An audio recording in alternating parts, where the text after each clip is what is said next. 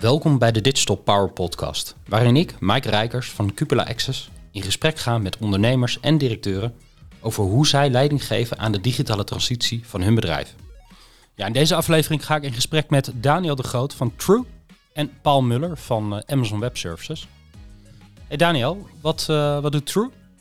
Uh, True is in de meest simpele vorm een, een hostingbedrijf, wat het misschien nog niet simpel maakt, maar wij verzorgen de, de infrastructuur voor heel veel webapplicaties, webshops, websites. Ja, en Paul, we gaan het vandaag hebben over, over het belang van schaalbaarheid van technologie. Hoe, uh, hoe kijken jullie, wat zijn nou de meest voorkomende misvattingen over, uh, over dit onderwerp? Ja, dus volgens mij als je naar, althans als ik even naar technologie kijk, dan zie ik eigenlijk twee vormen van schaalbaarheid. Dus enerzijds, je kunt in de breedte schalen, vergelijk het heel even met een taxi. Je hebt te veel passagiers, nou, dan zet je meer taxis in. Maar je zou ook kunnen zeggen, nee, maar ik schaal verticaal. Dus op het moment dat mijn taxi te veel passagiers krijgt, dan wordt het vanzelf een bus. En, uh, maar ik heb in principe nog steeds vier wielen en één, uh, één voertuig. dus er zijn een paar manieren. Maar dat is, het is niet zo simpel. En ik denk dat, hoewel het heel simpel altijd gezegd is, want we hebben het altijd over upscaling, opschalen. Maar natuurlijk, andersom gaat het net zo. Want als het economisch wat minder gaat, moet je ook juist terug kunnen schalen. En ik denk dat de uitdaging om daar zit en wat niet altijd iedereen zich realiseert, dat niet elke applicatie daarvoor uh, beschik, geschikt is. Dus dat je echt wel het advies hebt nodig hebt van een ja, meer technische partij die daar iets over kan zeggen. Dus dat zou mijn dat zou de misvatting zijn. En ik denk, uh, Mike, het is weliswaar geen misvatting rond omtrent de technologie, maar ook in hoeverre is de rest van jouw organisatie eigenlijk op ingesteld. Dus stel even dat je zou een enorme groei doormaken. Kan je dat dan aan met je logistieke uh, dienstverlening? Of kan je, met je dat aan met je personeelsbestand doen? Hoe ga je daar dan mee om? Maar ook als het teruggeschaald moet worden. Dus maar goed, je vroeg om de technologie. Dan zou ik inderdaad zeggen, vraag nou even of zorg dat je de juiste technische know-how eh, hebt of krijgt van een derde. Ja. Nou, dat is denk ik goed dat wij uh, de Daniel erbij is in deze podcast. Want ik, kreeg net even de, ja. dus de simpele uitleg van wat True doet. Maar als ik op jullie site kijk, hè, dan staat er eigenlijk als, als missie dat jullie ja, bedrijven en mensen helpen om hun ambities op te schalen uh, door techniek te gebruiken. Ja. Wat, kan je dus toelichten wat dat betekent? Ja, dat is eh, best wel breed, maar dat is ook eigenlijk de, de lol ervan zoals wij hem zien. En wat uh, Paul ook al zegt, het gaat altijd over schaalbaarheid, schaalbaarheid, schaalbaarheid. Iedereen wil groeien, groeien, groeien. En je bent altijd bezig met belemmeringen weghalen. En wij geloven er heel erg in. Uh, True is echt een heel diep technisch bedrijf. We hadden het net al even over 100 man, 70 man engineer, over allemaal verschillende disciplines. Van development tot netwerk, tot Linux, tot public cloud.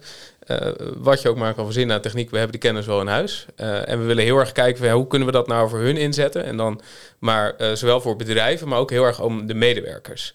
En dat gaat dan bijvoorbeeld om een medewerker van True kan het zijn om gewoon veel meer te leren natuurlijk en ervaring op te doen. Maar dat kan ook weer een medewerker van onze klanten zijn die juist met ons mee kan groeien met de kennis die wij weer brengen. Uh, en om af en toe ook gewoon even goed met de koppen tegen elkaar te staan en wat inhoudelijke leuke discussies te voeren over hoe, ga je nou verder en hoe ga je nou uiteindelijk als organisatie schaalbaar zijn? Wat moet je daarvoor doen? Ja, kan je, kan je, want weet je, dit is een, een podcast voor directeuren en ondernemers hè, die, die niet per se uh, alles van technologie begrijpen. Maar kan je eens een, een, een, aan, een, de hand van een voorbeeld uitleggen hoe je, hoe je een ambitie schaalbaar maakt of wat je dan qua technologie nodig hebt? Uh, ik zal eens een goede poging wagen. Uh, ja, veel van onze klanten zijn echt al uh, digital minded bedrijven. Digital natives noemen ze wij wel. Born in the cloud zijn online begonnen. Um, maar dat betekent niet dat ze alle wijsheid al in pacht hebben. Hè? Want uiteindelijk ben je ergens heel goed in. Je hebt een, een hele slimme SaaS-applicatie weten te ontwikkelen. Of je bent als uh, digital agency heel succesvol om websites te bouwen voor klanten. Uh, alleen uiteindelijk kom je zelf ook weer tegen je eigen uitdaging aan. Omdat je bijvoorbeeld een keer een hele grote website gaat hebben die misschien binnen een uur wel honderdduizenden bezoekers moet afhandelen. Een van de meest simpele voorbeelden is altijd ticket verkopen.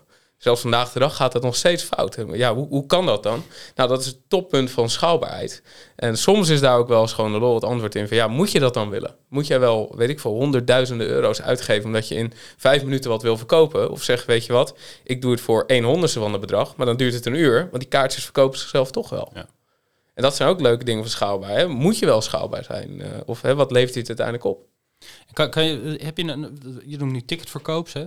Is dan het alternatief dat mensen gewoon een tijdje in de wachtrij komen of iets dergelijks? Of? Ja, en dan ga je heel snel eigenlijk naar een business vraagstuk. En dat is vaak ook het leuke achter techniek. Techniek is heel erg een middel. En je kan er helemaal op kapot staren dat het eigenlijk een doel is. Wat heel veel mensen vaak al doen of daar niet voorbij kunnen. Maar ja, wat helpt het je nou voor? Uiteindelijk gaat het erom dat je tickets of kaartjes wil verkopen voor een evenement. Dat je je omzet behaalt. Uh, maar ja, tegenwoordig uh, of je verkoopt direct uit... of je moet heel lang je best doen om, om je kaarten te verkopen. Tenminste, dat is mijn ervaring. Ja. Uh, nou ja, voor diegene die toch wel uitverkoopt... ja, die mensen zitten met vier schermen tegelijk ingelogd. ja, die gaan echt wel vijf minuten langer wachten om een kaartje te kopen. Lijkt mij. Ja. En heb je... Um, kan, kan je uitleggen hoe, hoe jullie bedrijven helpen om die keuze te maken? Want ik kan me voorstellen dat voor een, een gemiddelde ondernemer of directeur... die weet niet wat de opties zijn. Die denkt gewoon, nou ja moet kaart verkopen, liefst zo snel mogelijk. Het moet lekker het moet goed werken, hè, want dat krijgt iedereen te horen altijd. Uh, hoe helpen jullie nou om daar goede eigenlijk businessbeslissingen te nemen? Ja, over, over twee assen. Wat wij heel erg gewend zijn om inderdaad met uh, directeur-eigenaren veel uh, te spreken binnen het, binnen het MKB, MKB-segment. Mhm. En vaak zit daar ook wel een, een technisch geweten. dat kan een developer zijn, dat kan een, een DevOps of sysadmin qua type functies. Die zijn vaak heel inhoudelijk. Hè. Die hebben een bepaalde behoefte. En die, eh, voor hun is hun behoefte echt het allerbelangrijkste in de hele wereld. En die kunnen best wel voor iemand eh, die misschien wat algemener kennis hebben, heel inhoudelijk overkomen. Waardoor je denkt, ja, dat is het allergrootste probleem in de wereld. En wat wij eigenlijk, uh, zeker in zulke gesprekken, continu proberen te doen, is elke keer de vraag achter de vraag te begrijpen. Nou, dat proberen natuurlijk heel veel bedrijven, maar ook continu terug te zoomen van hè, waarom wil je dit eigenlijk? En waar willen jullie eigenlijk heen? En hoe gaat dit jullie helpen? En dus eigenlijk bijvoorbeeld ook altijd kennismakersgesprekken. Het is voor techneuten altijd heel, heel verleidelijk om direct de inhoud in te duiken. En wij proberen dan ook continu terug te vissen. Ja, maar waarom willen jullie dit nou jongens? En waar willen jullie naartoe? En echt business met techniek uh, te combineren. Om vanuit daar met, vanuit onze kant in ieder geval advies te komen van hey, wat zouden wij doen in jouw plek? Ja, kun je eens uitleggen aan de hand van een klantcase? Uh, nou ja, uh, een van de uh, meest booming technieken op het moment is Kubernetes. het is voor, boven, onder. Als je ook het blog van True kijkt, dan zie je ons ook heel veel over vertellen. Kan je toelichten wat dat is? Ja, dat is een zeer complexe vorm van, van hosting. Maar dat, waar het eigenlijk om gaat is... vroeger draaiden websites op een, op een server... En dat was allemaal best wel overzichtelijk. Maar ja, applicaties worden steeds groter, worden steeds diffuser. Op een gegeven moment ga je denken, hé, hey, mijn applicatie moet ook schaalbaarder worden. Vroeger, dan gaan we even heel technisch, dan springen we direct weer uit hoor. Had je een, een monolithische applicatie, waar eigenlijk alles mhm. ingebakken zat. En tegenwoordig gaan we dus over naar microservice architectuur. En dan ga je eigenlijk functionaliteit, zoals bijvoorbeeld je login functionaliteit, ga je er eigenlijk uh, losknippen. En je gaat al die losse onderdelen met een soort centraal punt met elkaar gaan uh, connecten. Alleen om al die losse onderdelen te hosten, ja, het is heel inefficiënt om daar allemaal losse servers van neer te zetten. Mhm. Dus zijn ze op een gegeven moment ook aan de slag gegaan met containers, heette die. Uh, maar ja, als je in één keer honderden containers hebt, dan heb je weer een containerprobleem. Hoe ga je dan die containers weer aansturen? Nou, en daar hebben ze uiteindelijk Kubernetes voor bedacht. Dat uh, komt vanuit Google. Uh, alleen als je Kubernetes weer neerzet, moet je weer heel veel Kubernetes kennis hebben om dat goed te weer. Dus het is een beetje zo'n infinite loop, uh, ja. hoe het schaalbaarheid ook, ook, heel veel complexiteit met zich meebrengt. Maar even de, om, om het een klein beetje te begrijpen, hè. je hebt dus een applicatie, er zitten allerlei functies in. Al die functies hebben een eigen plek waar dat opgeslagen wordt en waar het verkeer overheen gaat. En dat, dat proberen te managen en te, te, te, te, zorgen dat dat werkt, zeg maar, daar heb je Kubernetes voor nodig. Kubernetes is inderdaad een oplossing daarvoor. Dus uh, het wel het meest bekende, want iedereen kent het, iedereen heeft van gehoord, iedereen wilde wat mee. Ja. Uh, alleen daar zie je heel vaak dat mensen naar ons komen en die zeggen, nou, we willen graag uh, één Kubernetes bij wijze van spreken. En dan gaan wij eens in gesprek en dan kan het heel vaak zijn, ja, je denkt misschien wel dat Kubernetes voor jullie de beste oplossing is, maar op basis van hoe complex jullie applicatielandschap is, dat kan heel complex zijn, maar juist ook helemaal niet of misschien jullie kennis, is dat helemaal niet de beste beslissing. Ja. En uh, je ziet soms wel eens dat de, helft van de aanvragen uiteindelijk vanuit ons een ander advies krijgt, die ze ook volgen. En dan toch zeggen, ja oké, okay, dit was ons beginpunt, maar we zien inderdaad in dat het wel veel handiger is om misschien wat minder complexiteit naar binnen te halen. Misschien niet onbelangrijk ook wel, hè, dus voor de luisteraar denk ik ook wel te begrijpen dat jullie komen enerzijds met dat advies, maar daarna geeft de klant het ook vaak bij jullie uit handen. Hè? Dus je, jullie hosten het, jullie beheren het, jullie kunnen, ze kunnen jullie er 24 keer 7 over bellen et cetera. Dus dat is wel, uh, wil jij ook in charge zijn of wil je het in beheer kunnen nemen als het ware, dan moet het ook wel een beetje voldoen aan jullie wensen, toch? In de zin van binnen jullie kaders passen. Ja, ja, ja dat, dat is een goede toevoeging inderdaad. Want uh, uiteindelijk nemen wij de verantwoordelijkheid ervoor. En bij ons gaat het heel erg om duurzame relaties. Veel van onze klanten werken we jaren samen, sommigen zelfs al sinds de oprichting. Ja, ja daar moet je wel continu lange termijn keuzes maken. Hè. Hoe gaan we jullie op de lange termijn helpen in plaats van even snel een project scoren of even een technologie komen implementeren. En zijn het dan klanten of zijn het eigenlijk dan misschien soms in sommige gevallen misschien zelfs wel meer partners? Ja, het liefst natuurlijk het laatste. Tenminste, dat is wel eh, hoe wij graag te werk willen gaan. Om echt als gelijken met elkaar op te trekken. Ja. En de doelen in ieder geval van eh, klanten of partners natuurlijk eh, gewoon voorop te stellen. Ja. En Daniel, even, je zei net, sommige klanten werken jullie echt van het begin af aan. Hè? Je zijn in 2000 begonnen. Dan heb je ook enorme stappen met die klanten gemaakt waarschijnlijk. Ja, ja dat, is, dat is het leuke. IT en hosting in het specifiek is ontzettend in ontwikkeling. Want Kubernetes is nu natuurlijk eh, booming. Ja, tien jaar geleden was dat natuurlijk weer heel wat anders. En er- niemand weet wat het over de komende tien jaar gaat zijn. En wat wel het leuke is, True heeft zichzelf ook, eh, ik denk echt wel vier of vijf keer opnieuw uitgevonden door de jaren heen. En het is heel leuk om dat echt met klanten mee te maken. Van, eh, het begon allemaal wat kleiner. Toen True in 2000 begon, was het internet natuurlijk bij far nog niet zo groot als dat het vandaag de dag is. Ja. Ja, en dat vraagt toen andere, je had toen andere vraagstukken dan vandaag de dag. En in één keer komen vragen door klanten, doordat complexiteit toeneemt, komen ze met vragen naar je toe. En dat zet je gewoon aan het denken van, hey, we hebben- is dat inderdaad iets waarbij we kunnen helpen? Of past dat wel bij ons?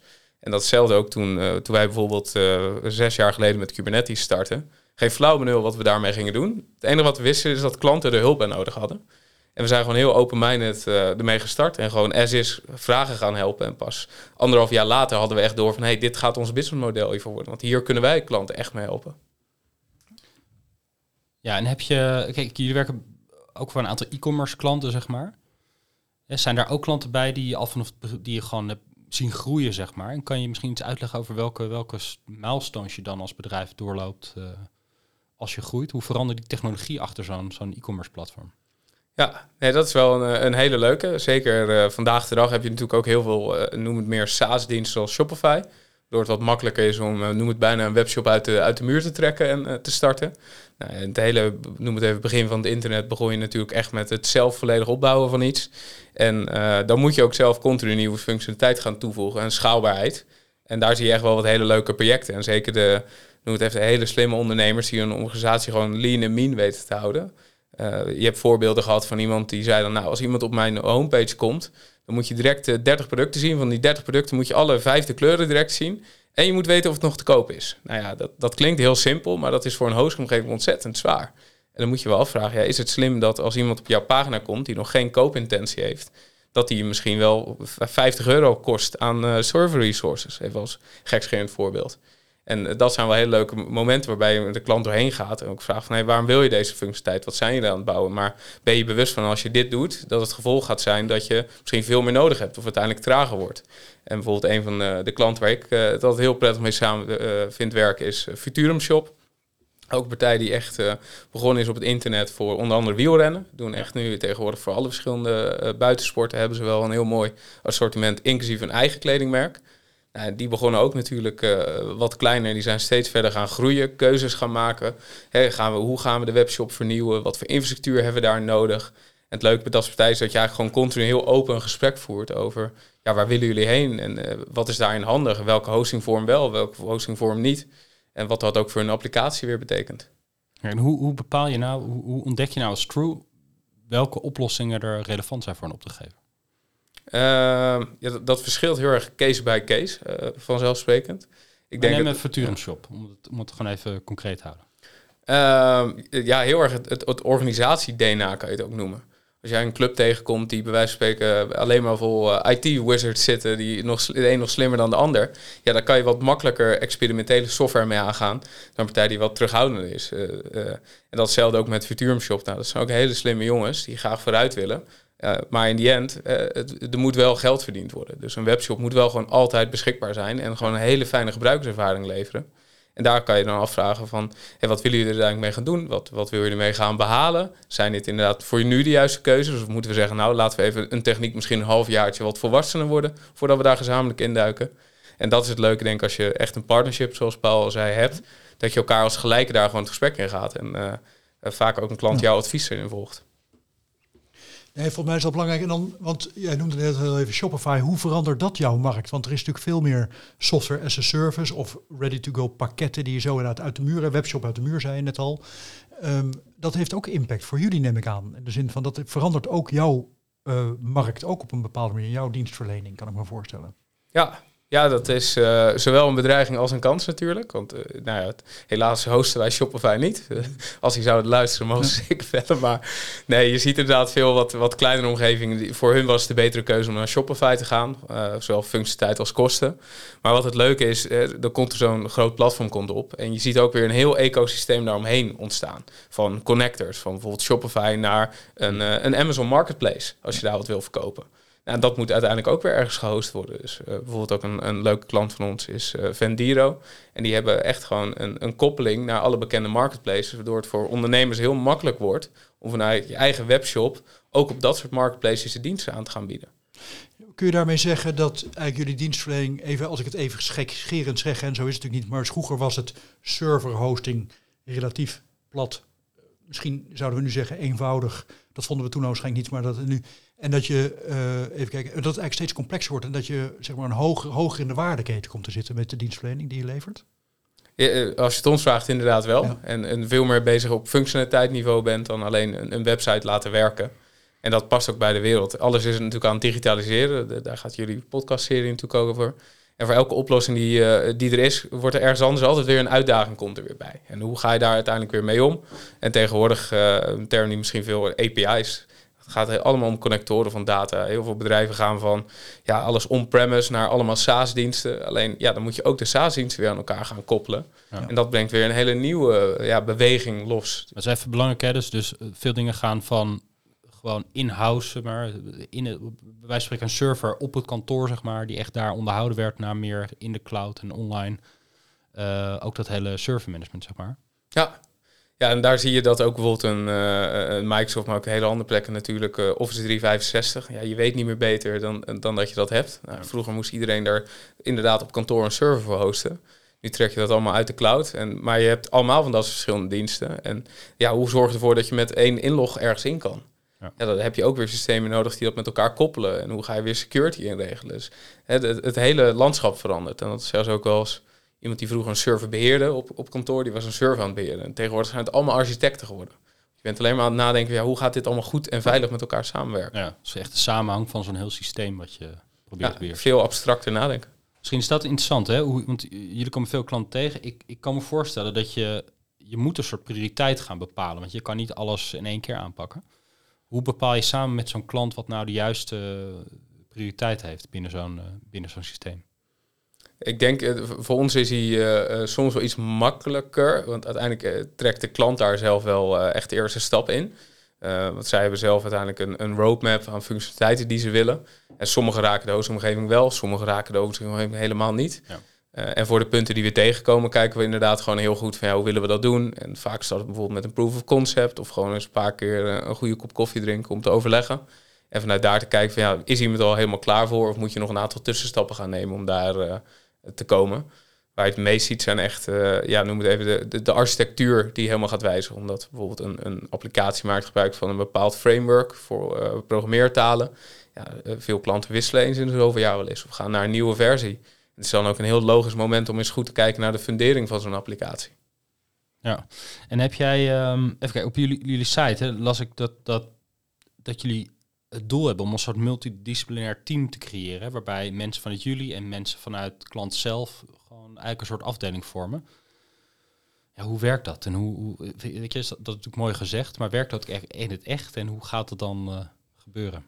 Ja, ja, als je het ons vraagt, werkt dat heel goed. Uh, waar wij echt voor staan, is, is het soort ja, verpersoonlijke weer van uh, IT. Naast mij staat Paul van Amazon Web Services. Dat is een ontzettend mooi bedrijf. Ehm, alleen voor sommige mensen voelt het ook als heel ver weg. Dat is een wat grotere organisatie en True ziet zichzelf meer als de brug daartussen. Wel de mogelijkheden bieden op een platform als AWS, maar wel met een hele lokale Nederlandse partij die je direct kan bellen, waar iemand uh, opneemt. Wij geloven heel erg in klantteams. Dus elke klant heeft een, ja, een dedicated set aan engineers met wie ze samenwerken. Een vast commercieel aanspreekpunt, zodat je echt weet dat hè, of het nou een Igor of een Hielke is. Hè, de engineers en de klanten kennen elkaar echt op een first-name basis. Uh, klanten komen regelmatig bij ons op kantoor lunchen, dus dat we elkaar in de ogen aankijken. En heel erg weer vanuit dat gelijkwaardigheidsniveau uh, willen we aan de slag gaan en samenwerken. Ja, snap ik. En stel, er zijn nu eh, directeuren en ondernemers aan het luisteren en die weten misschien niet, die zijn niet born in de cloud en hoe, hoe zei het allemaal net, echt online begonnen. Ehm, wat moeten die nou weten om een goede keuze te maken over, over, over hoe technologie hun, hun ambities kan, uh, kan ondersteunen? Ja, uh, ik, ik denk dat het begint met echt gewoon heel goed vaststellen van waarom wil je het eigenlijk doen? Waar wil je heen? Op welke vlakken verwacht je zelf dat het, dat het voordelen gaat brengen?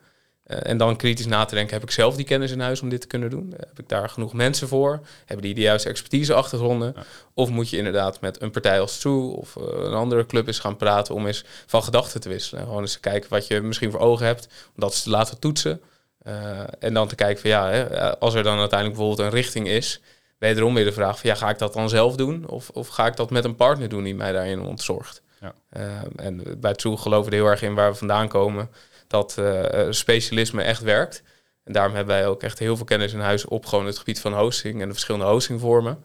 Is omdat eh, wat vandaag de dag heel logisch is, was een jaar geleden niet en over een jaar ook niet. Het is heel moeilijk om het bij te houden. Ja. Zelfs voor ons. Ook uh, wederom, uh, AWS gaat als een raket. Elke week of elke maand zijn er wel nieuwe features ja, als die niet je dagdagelijkse gang van zaken is, hoe hou je dat dan een hemelsnaam je kennis op hoogte? En die, die diepgang van expertise. En dat vinden wij ontzettend leuk om daar klanten juist mee te ontzorgen. Zodat ze wel echt alle voordelen hebben die er zijn, maar niet de kennis of de, de leercurve of uh, 24-7 beschikbaarheid van mensen bijvoorbeeld zelf moeten oplossen. Ja, en jullie, jullie komen bij, bij klanten die, die hebben al een, een bestaande situatie, zeg maar. Wat zijn nou de meest voorkomende fouten of, of valkuil die je tegenkomt? Uh, ja, ik denk wat wij vaak zien is, uh, is bijna het menselijke aspect. Zaten bij heel veel klanten zie je dat er iemand zat die het heel goed kon, die het heel leuk vond, die bepaalde keuzes misschien ook wel maakt op basis van zijn kennisniveau en niet het, het kennisniveau van de organisatie. En als zo iemand dan uiteindelijk vertrekt of, of die gaat naar een andere positie, dan komen ze keer achter dat er een gigantisch gat aan benodigde kennis en ervaring zit om bijvoorbeeld eigenlijk echt de continuïteit van een bedrijf te kunnen waarborgen. En soms is dat zover dat we bij spreken morgen moeten instappen om gewoon zeker te weten dat als er wat is, dat het ook weer opgelost kan worden. Dus het is ook daar weer heel erg de vraag van ja, wat wil je als organisatie? Wil je echt de, de nieuwste van de nieuwste technologie? En kan, hè, kan mijn organisatie dat? Of is er één persoon die dat kan? En is het onze ambitie dat die 1 uur 5 wordt? Of is het eigenlijk wel de ambitie dat, dat je het eigenlijk helemaal niet meer in huis hebt? En dat brengt best wel leuke gesprekken gewoon op gang. En om tot een keuze te komen, wat wel of niet juiste keuzes zijn uh, op het gebied van hosting in ieder geval dan gaat het eigenlijk om een soort continuïteit in dat, dat kennisniveau creëren. Met een partner zoals True bijvoorbeeld. Ja. Ja, want we hadden het er net over Kubernetes en hoe complex dat is. Uh, en dat is heel leuk, hè? want heel veel, als je zeker techneuten pakt, ja, uh, werken is een hobby. Ze zijn de hele dag mooie dingen aan het bouwen. En hoe meer complexiteit en diepgang, hoe leuker vaak. Uh, alleen, ja, je draait er uiteindelijk wel een business op, zeggen we ook vaak. webshops zijn heel makkelijk. Als je niet online bent, kan je niet verkopen. Uh, en daar moet je altijd wel de keuze maken. Wil ik heel erg in de techniek gaan of wil ik heel erg voor mijn klant de juiste keuzes maken? Ja. En, en, wat, ik, wat ik ook eens hoor is een soort tegenstelling in, uh, in, in schaalbaarheid van technologie en, en veiligheid, zeg maar. En omdat het misschien voelt als als jij die server in je eigen kast hebt staan op jouw kantoor, dat dat tastbaar is en dat er niks mis kan gaan. Nou, nou klopt dat niet natuurlijk, maar, maar dat is vaak wel een gevoel wat ik wel eens hoor bij mensen. Uh, versus zeg maar de schaalbaarheid en dat het in de cloud staat en dat het eigenlijk ontastbaar is. Kan je, kom je dat ook tegen? Hoe kijk je daarnaar? Ja, ja dat, dat kan ook soms op het gebied van uh, privacy daadwerkelijk ook natuurlijk bepaalde, bepaalde redenen hebben. Zeker als het om hele gevoelige zorgdata gaat. Ja. Dat mensen daar nog wel eens verder in gaan. Um, maar dan ga je inderdaad gewoon heel goed kijken naar ja, wat, is, wat is voor jou belangrijk, wat verwachten klanten van jou, wat je daarmee doet. Uh, en inderdaad, de veiligheid. Uiteindelijk, uh, op het moment dat je met True samenwerkt, dan, dan doe je dat omdat je erin gelooft dat, dat wij je organisatie verder kunnen helpen. Dat, dat wij die, die continuïteit brengen. En dan is de vraag: ja, vind, vind ik het veiliger om, om af en toe de lichtjes te zien branden uh, op de gang? Of omdat ik weet dat er een club is die het 24 uur per dag voor me in de gaten houdt. Ja. En het ook up-to-date houdt. Ah, je gaf het net ook al een beetje aan volgens mij. Hè, dat je kunt, zeg maar even als je de IT-afdeling bent, je doet dat met z'n vieren en je onderhoudt die servers of dan kun je dat nooit zoveel van die security weten als een TrueCom met zijn 70 engineers, hè, waar, jullie, waar het jullie dagdagelijkse business is, denk ik. Uh, dus ik denk dat security is volgens mij inderdaad ook binnen ons bedrijf is dat echt uh, is dat job uh, zero noemen we dat. Hè. Dat is het eerste waar we altijd aan denken. Daar draait het allemaal om en dan praten we pas over de rest.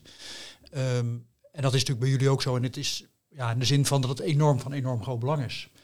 En ik denk dat uiteindelijk het altijd beter als een bedrijf meer schaal heeft, dan zijn ze er over het algemeen, zou je kunnen denken, beter in, denk ik, dan op het moment dat je zelf een server ergens in de basingkast uh, beheert. Ja. Nou, klinkt wel logisch. Hè? Volgens mij wel. Ja. Hey, hoe, um, um, je zei net iets over, over een soort weet je, die, die verandering die je een beetje op gang moet brengen. En sommige bedrijven die, die zijn daar gewoon trager in dan anderen. En of dat wel of niet goed is, dat, dat, dat hangt denk ik ook per bedrijf af. Maar hebben jullie bepaalde methodes of strategieën om die verandering op een goede manier te laten gebeuren? Uh, ja, we hebben er niet een, een vast framework voor of iets wat, we, wat wereldwijd bekend is. Uh, we, zijn bij True zelf ook een beetje, uh, hoe zeg je dat, knutselaars die opgegroeid zijn. Dus we hebben daar heel veel eigen methodieken voor ontwikkeld door de jaren heen. En dat zit bij ons heel erg inderdaad op, op, aan het begin de structuur om echt een bedrijf van A tot met door te zagen. Ja. wij vinden het ook altijd ontzettend leuk om bijvoorbeeld die vraag echt wat bedrijf te willen begrijpen en wat hun ook weer uniek maakt dat koppelen ook altijd terug uh, in een soort aanleiding. Waarvan we ook wel vragen: hey, klopt deze situatie schets over het bedrijf? Is het inderdaad hoe jullie jezelf ook zien? Uh, en vanuit die kant heel erg door te gaan bouwen. Alleen dat is, uh, ja, wat we zeggen, wel meer een, een zelfbouw en jarenlang op ervaring doorbouwend dan dat we een, een gelikt McKinsey-model gebruiken. Ja, oké. Dus het is vooral goed beginnen bij die, die why eigenlijk. Hè? Van waarom zou je een bepaalde technologie gaan toepassen? Of wil je iets oplossen? Uh, en van daaruit met mensen met kennis en partners zoals True uh, aan de slag om, uh, om verder te werken. Ja, ja, en zeker ook veel marktkennis zie je ook veel. Je bent, hoe uniek iedereen ook is, er zijn altijd wel bedrijven die soortgelijk uniek zijn. En zeker in echt bepaalde industries, verticals, heb je gewoon vaak oplossingen die gewoon heel goed werken. Het is ook wel fijn als je dan een bedrijf vindt die, die jou eigenlijk al snapt, voordat je misschien jezelf al snapt. Of die eigenlijk al de oplossing voor je probleem weet, voordat je weet dat je een probleem hebt.